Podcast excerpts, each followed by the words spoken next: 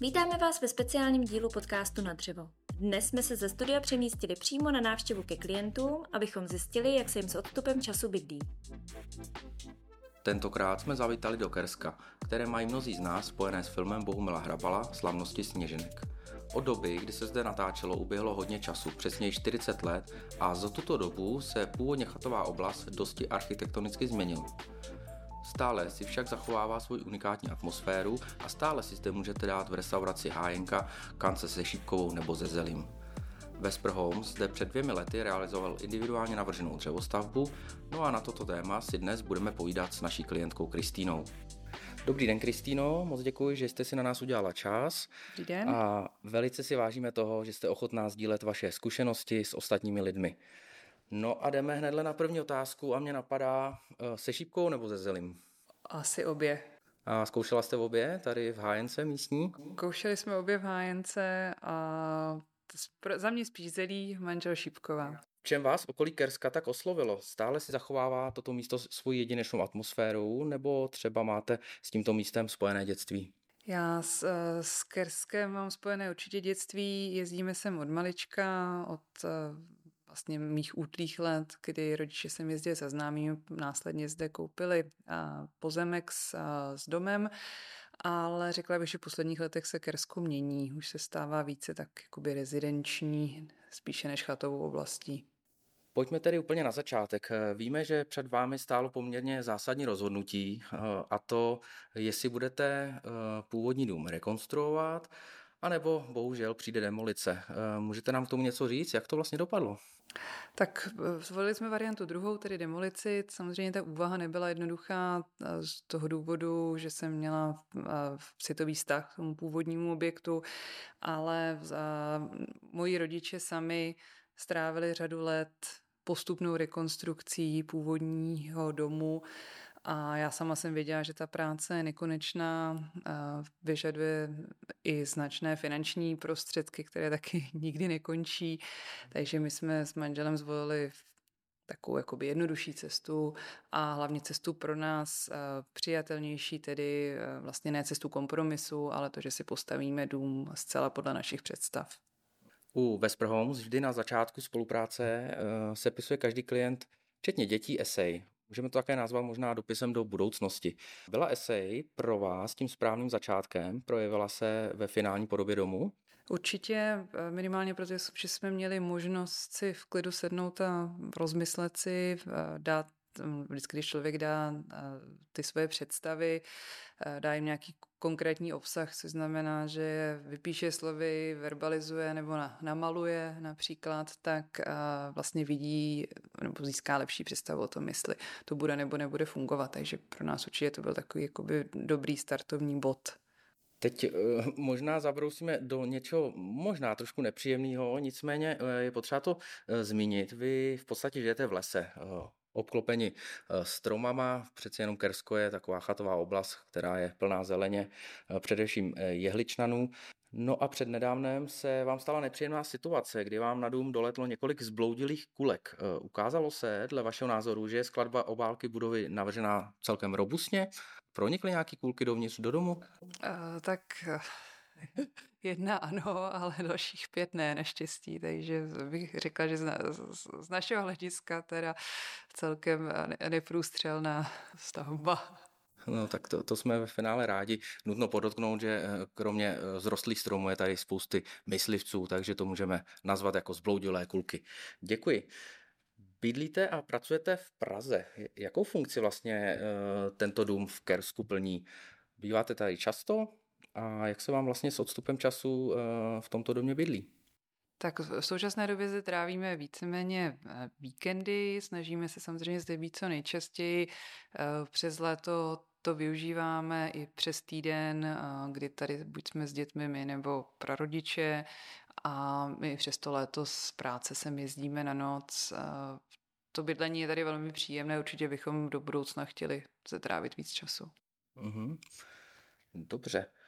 No, my jsme eh, tady nakousli to, že vlastně ta původní budova nebo objekt, který tady byl, byl zděnej. Eh, je to teda velká změna. Eh, proč jste vlastně zvolili dřevostavbu a ne třeba víceméně vybudovat zděný dům? Co vás na dřevu tak imponuje? Dokážete si vzpomenout na hlavní důvod vašeho rozhodnutí?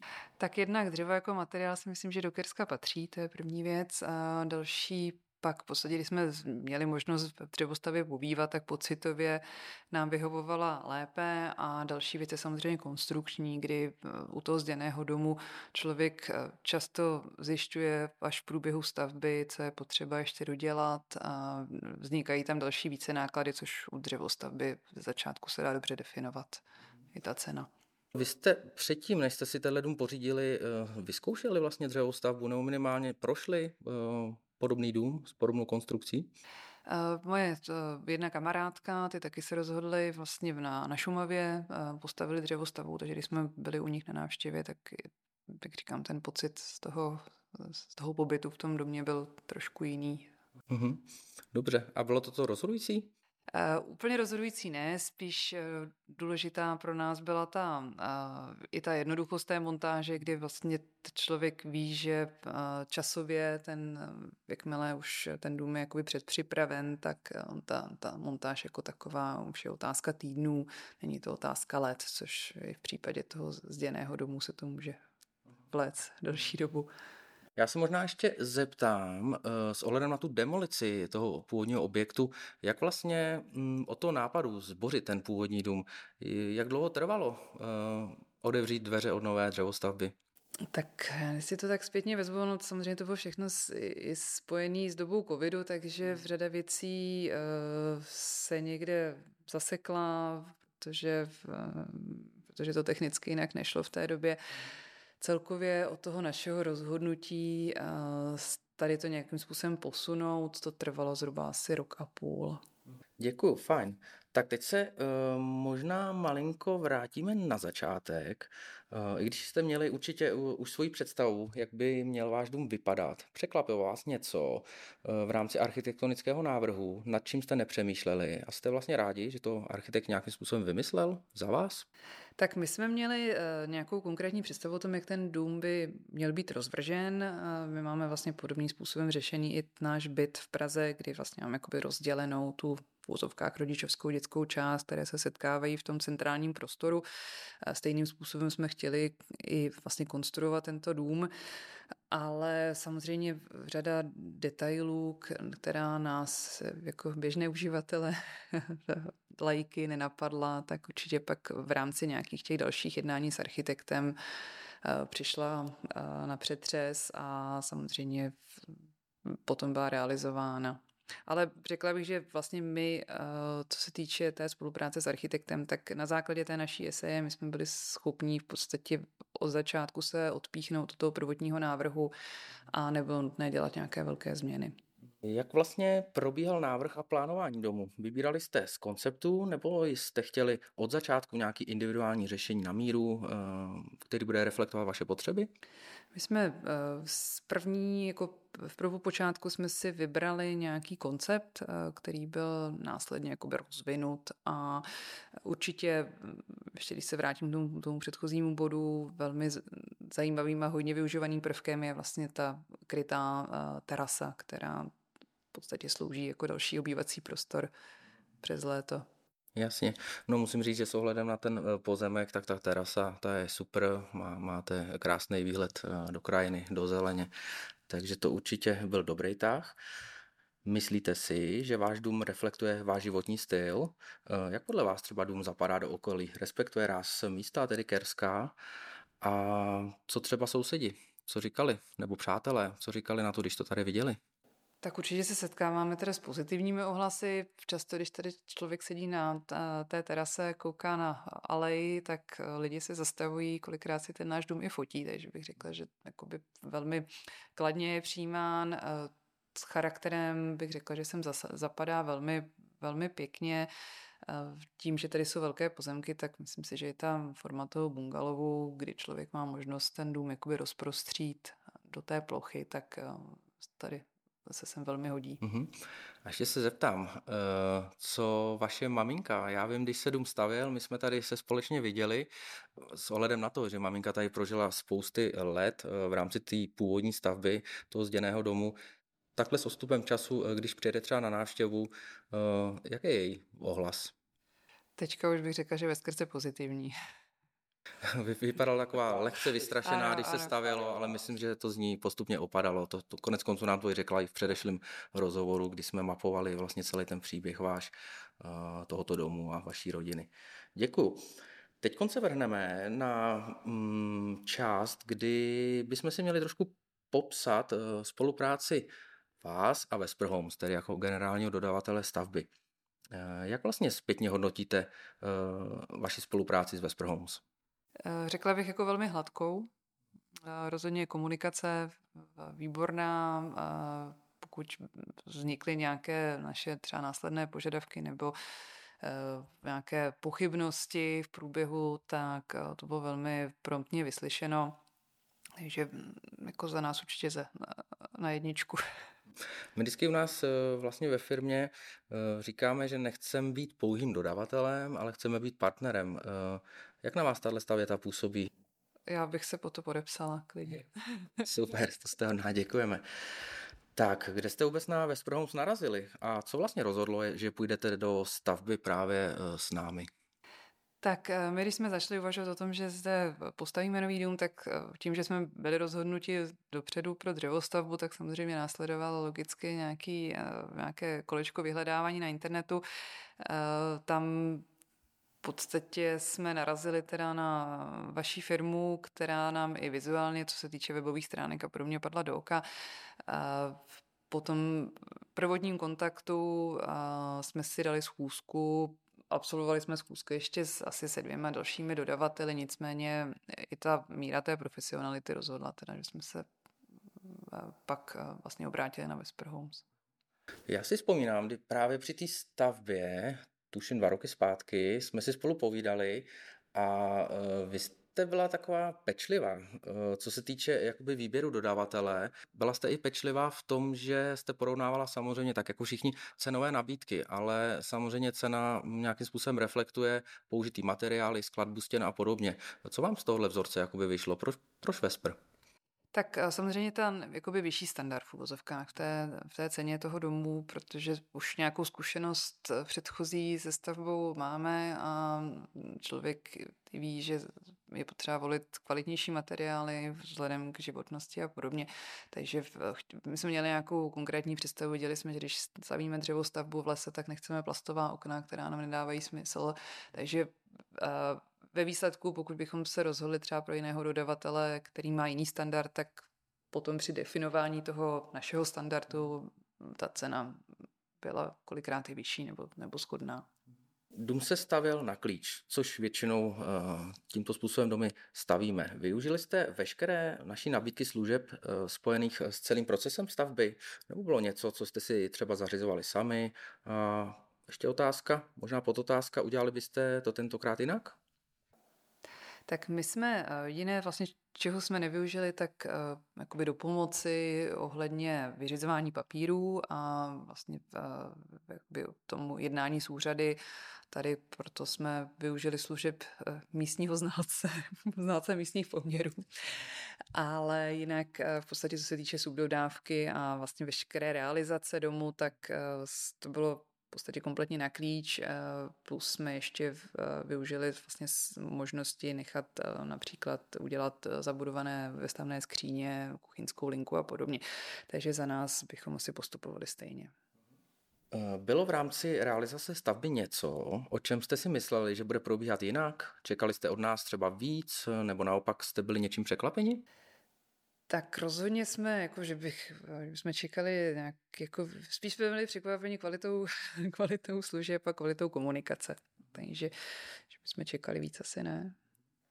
No, já vždycky, když jsme u nějaké stavby, před, především hrubý stavby toho domu, která je většinou v téhle velikosti dva, tři dny a máme to pod střechou víceméně, tak ten klient tím, jak vlastně tím domem žije, možná x let, tak najednou během tří dnů eh, je tady ta hmota, je tady ten tvar. Eh, jaký pocit jste z toho měla třeba po druhém dni?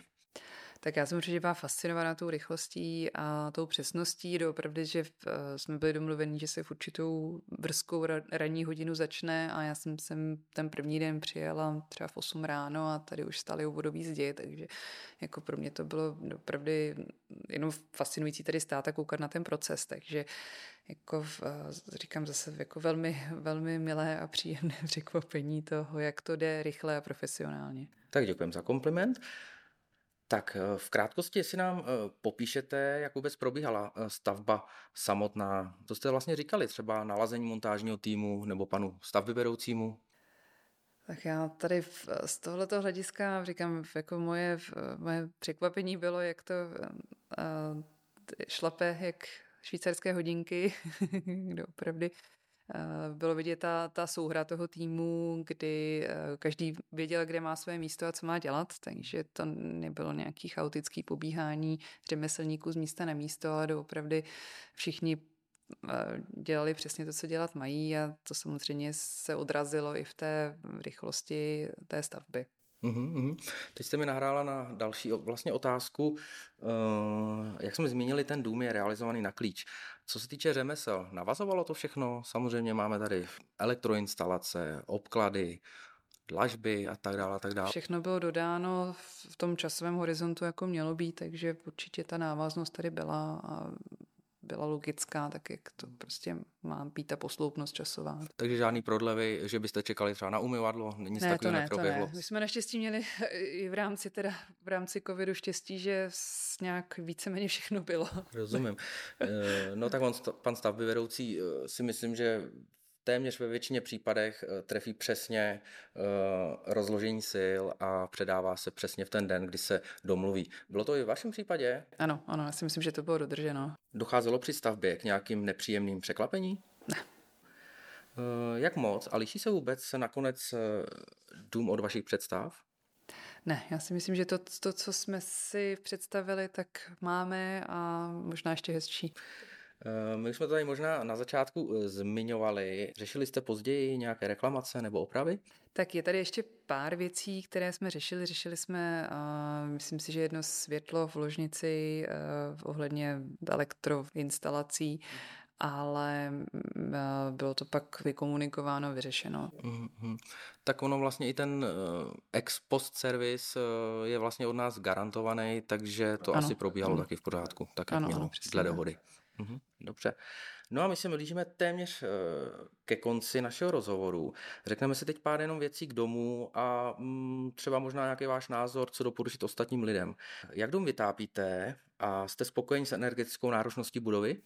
Tak eh, my vytápíme, máme zde elektrokotel, plus máme kamna s výměníkem, takže pokud jsme tady, tak eh, vlastně ta výhřevnost těch kamen je obrovská, takže v podstatě topíme akorát kamny. Následně vzhledem k tomu, že jsou masková kamna, která akumulují teplo, tak následně po dobu dalších 20 asi 4 hodin vlastně to teplo vypouští do okolí, takže přes, při ty, na ty naše víkendové pobyty to znamená, že v pátek večer zatopíme, v sobotu topíme a v neděli je tady stále teplo výmění, která ohřívá tu užitkovou vodu, takže tady z tohoto hlediska jsme spokojení. Přes týden to tady temperujeme tím elektrokotlem. Plus eh, máme na eh, střeše vlastně solární panel zase na ohřev té užitné vody, takže přes léto uhříváme vodu solárním panelem Mm-hmm. Vy jste zmínila ty mastkový kamna. Eh, stalo se vám, a to je vlastně takový problém u dřevostaveb, pokud se používají klasický kamna, že ten interiér se extrémně rychle přetopí. Víme, že mastek eh, sálá nebo vypouští to teplo eh, postupně. Stalo se vám, že třeba se interiér přetopil? To spíš ne.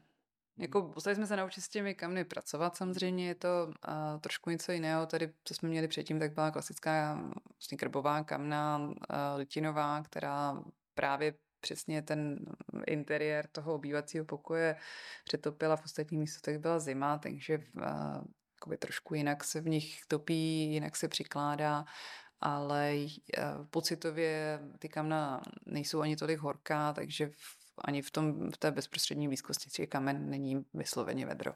Mě by ještě zajímalo, jak je to se zvukovou izolací v domě. Když vám děti uh, skáčou nahoře, je to tady slyšet? Není, není, není. A i jakoby okna velmi dobře izolují uh, od nějakého okolního hluku. Co nás trošku překvapilo ze začátku, když prší, tak jak máme tu plechovou střechu, tak takový zvláštní zvuk, takový jakoby hučení toho deště, ale člověk, když jako identifikuje, co je to za zvuk, tak je to naopak velmi příjemný. Jasně, takže už se nebojíte. Ne, ne, ne. Víte, o co jde. Jasný. My jsme mluvili o vlastně vytápění domu, ale naopak v letních měsících vy tady máte obrovský prosklený plochy. Důvod je jasný, chcete vidět do lesa. Eh, jak je to v létě? Nepřehřívá se interiér? Tak měli jsme ze začátku obavy, ale v tomhle tom právě velmi pomohla ta krytá terasa, takže to slunce vlastně přímo neproniká tím, tím vlastně tou přední částí toho domu do toho obývacího pokoje a tím, že máme uh, žaluzie v ložnicích, v dětských pokojích, tak uh, i v těch největších vedrech tady je v podstatě velmi pocitově příjemně v tom domě. Řešili byste dnes s odstupem času některé věci jinak? Je tady něco, co vás bije do očí, nebo je vyloženě nepraktický? To ne, bych řekl, že nějaký zásadní věci to v podstatě nejsou. Plně to nevyužíváme denně, že bychom tady trvale bydleli, ale myslím si, že nějaký jako zásadní zádrhel jsme zatím neobjevili. A co speciálně vás na tomhle domě baví nejvíc? S čím jste nejvíc spokojená? Tak mně osobně se nejvíc líbí ten vizuálně otevřený obývák do lesa. Moje nejoblíbenější místo je buď teda na terase, kdy tady máme takový velký vzrostlý dub, tak člověk kouká na ten dub v podvečer nebo v uh, podkroví vlastně tam sedět pod tím velkým střešním oknem a koukat na ty stromy, takže. Mm-hmm. Tak já jsem typoval, že řeknete tady o ostrůvek kuchyňské, ale dobře, terasa a s tím spojený relax. Jdeme téměř do finále. Po vašich zkušenostech eh, doporučila byste dřevostavbu i ostatním lidem a je něco, co byste jim třeba poradila specifického? Tak já už jsem i doporučovala, nebo jsme doporučovali s manželem, takže určitě ano. A samozřejmě každý jsme jiný, každý máme jiné potřeby a jiné touhy, takže ono se nedá generalizovat, ale tak, aby se ten, kdo vstaví, tak aby se nad tím řádně zamyslel právě nad tím fungováním toho domu, aby pak ex post neřešil věci, které už se nedají změnit. Poslední otázka. Už vás nechceme uh, zdržovat, vím, že jedete na pracovní cestu, o to víc děkujeme, že jste si udělala čas, ať se vám dobře stává. Děkuji. A ta poslední otázka je uh, s ohledem na zkušenosti specificky s Vesper Homes, uh, doporučila byste nás ostatním lidem a nešetřete nás? Uh, tak jste, odpověď bude stejná, doporučila a už, už, jsem to pro, už jsem to provedla, takže určitě ano. Tak a na závěr nezbývá než poděkovat za váš čas, eh, popřát hodně zdraví celé rodině. Děkujeme. A doufejme, že vám domeček bude dělat radost a třeba někdy na viděnou nebo naslyšenou. Díky moc. Děkuji taky moc.